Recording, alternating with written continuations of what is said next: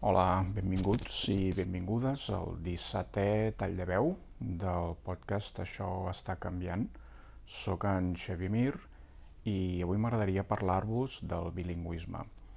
Uh, D'una banda perquè ha estat actualitat, els qui sou de, a Catalunya, de fet el bilingüisme sempre és actualitat d'una manera o altra, de manera intermitent, però els qui sou a Catalunya doncs sabeu que darrerament pel tema de l'escola en català doncs eh, se n'ha tornat a parlar i que bé, és una qüestió que és més o menys present en, en, en, en el debat de la llengua en general.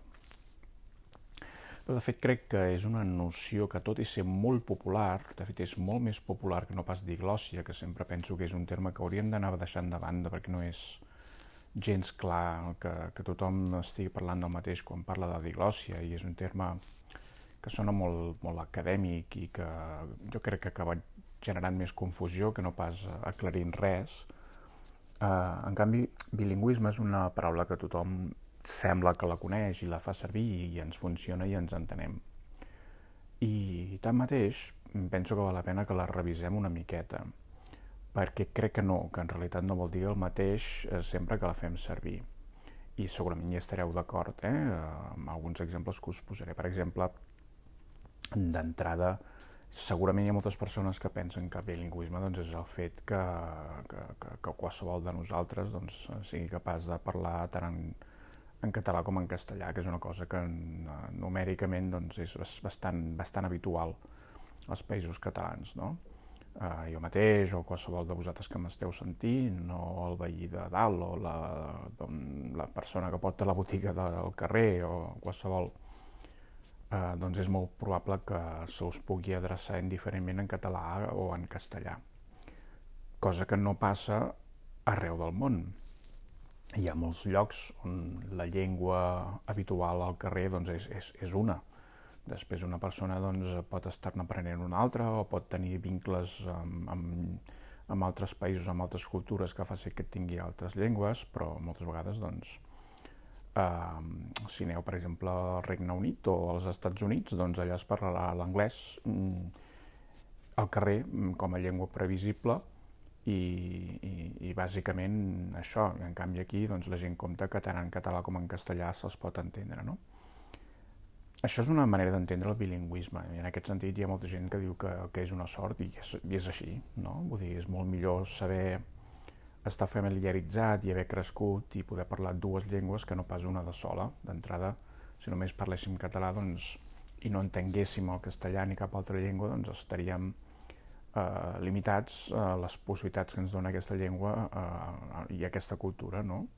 I en canvi, doncs, com més llengües eh, aprenguem i siguem capaços d'entendre de, i de parlar, doncs, evidentment, més possibilitats se'ns obren també val a dir que les nostres possibilitats en aquest sentit no són infinites i que, per tant, a la pràctica eh, les persones podem acabar sent doncs, eh, trilingües, potser quatrilingües, però són poques les persones que dominen molt més, més llengües i és impossible dominar-les totes o conèixer-les totes. Per tant, eh, és, un, és, és, és un discurs amb, amb un recorregut bastant més limitat del que voldríem. Però sí que és cert eh, que, evidentment, estareu, i crec que ja estareu d'acord que quan més llengües coneguem, doncs millor.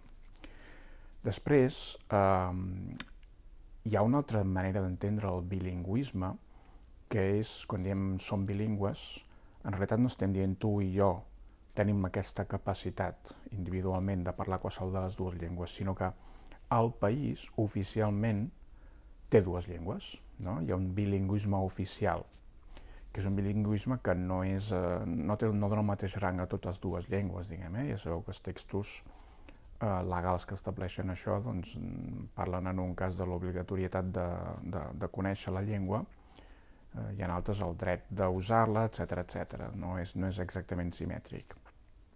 Però en tot cas eh, es diu doncs, que, que són bilingües en aquest sentit, que hi ha les dues llengües oficials.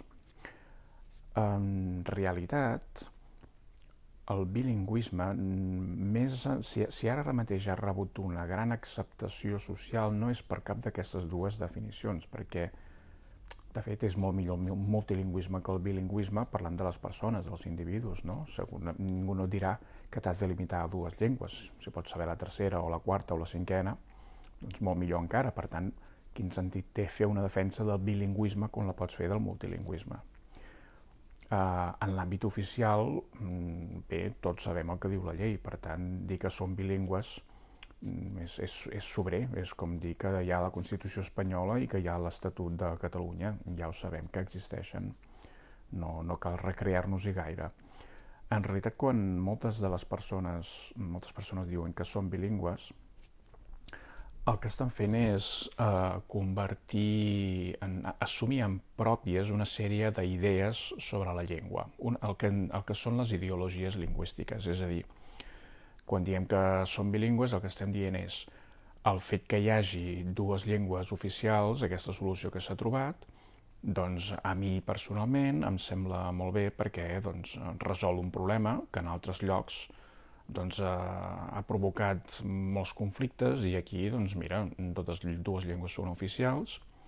Si tu vols parlar català pots fer-ho, si tu vols parlar castellà pots fer-ho, la llei t'empara i, per tant, tots en paus i tots contents.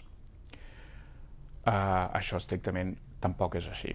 I aquí és on penso que mm, val la pena que totes les persones, que en són moltes, penso que són la majoria, que se senten molt còmodes amb el bilingüisme, penso que faríem bé de, de revisar aquesta comoditat i aquesta sensació d'encaix i de pau interior eh, amb aquesta idea que som bilingües i que tot està resolt. Hem de pensar que eh, el bilingüisme com a ideologia eh, no sorgeix del no-res, és a dir, eh, normalment la ideologia que ha anat eh, evolucionant al llarg del temps ha estat una mena de liberalisme que ha fet que les llengües grans siguin cada vegada més grans, vagin guanyant nous parlants i les eh, que han quedat subordinades doncs, vagin eh, retrocedint o perdent-ne.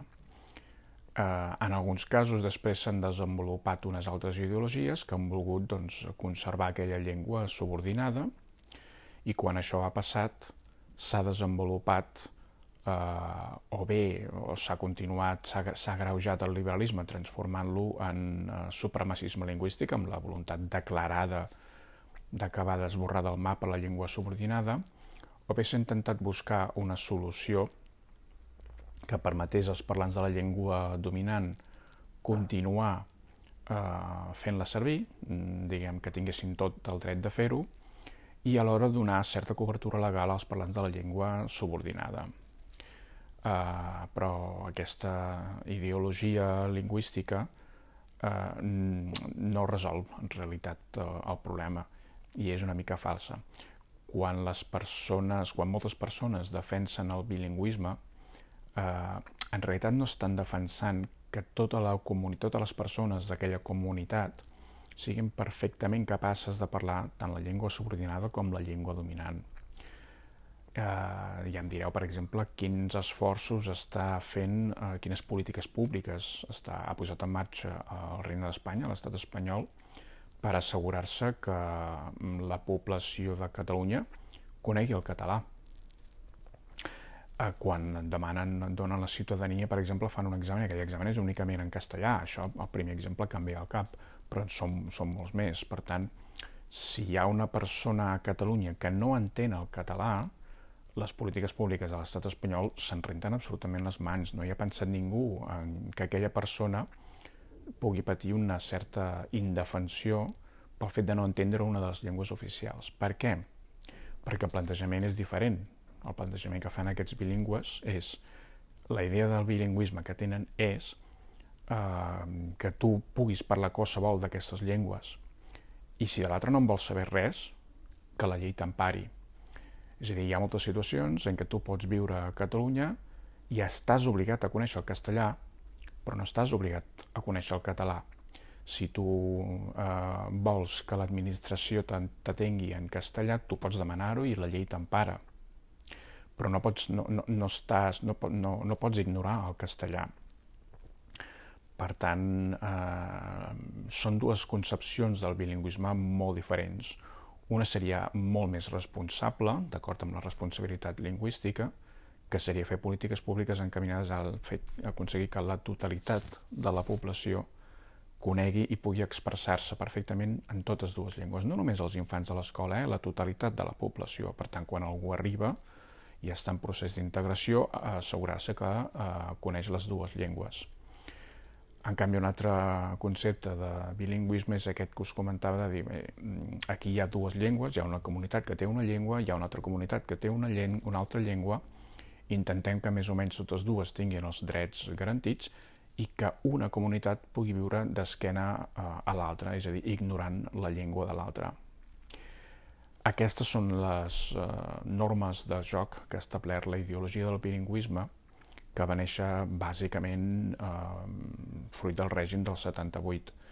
Eh, en un moment donat, eh, al final del franquisme, d'una dictadura que clarament practica el supres, la, la ideologia supremacista i intenta esborrar, eh, homogeneitzar Espanya no? i esborrar la resta de llengües del mapa, doncs, eh, fruit d'aquella època, neix aquesta concepció del bilingüisme que, entenent-la cadascú a la seva, tothom l'ha acabat assumint. I això ens ha portat a, eh, a la situació actual en el cas del, del territori espanyol i amb unes situacions molt semblants a eh, tot arreu on hi ha contacte entre una llengua subordinada i una de dominant. Per tant, en resum, jo recomanaria a tothom que us digui que som bilingües i que el bilingüisme és una gran solució i que el tema de les llengües ja cansa i que no cal que en parlem més, etc etc. Eh, a revisar-ho d'acord amb, amb aquestes idees que, que us he intentat resumir una mica. Eh, és fals que l'estat espanyol estigui promovent eh, el bilingüisme, el que promou són drets de determinades comunitats, sobretot vella pels drets de la comunitat castellanoparlant a tot el territori que ells en diuen nacional, de l'estat espanyol, però eh, el que seria polítiques públiques per eh, prioritzar les llengües eh, subordinades, per evitar que continuïn reculant, per evitar que eh, el guany de nous parlants de les llengües dominants eh, les faci recular. Això no, no, no s'ha practicat, no s'ha donat i per tant no és un bilingüisme sincer. Cal que entre tots anem fent una mica de crítica d'aquesta idea del bilingüisme.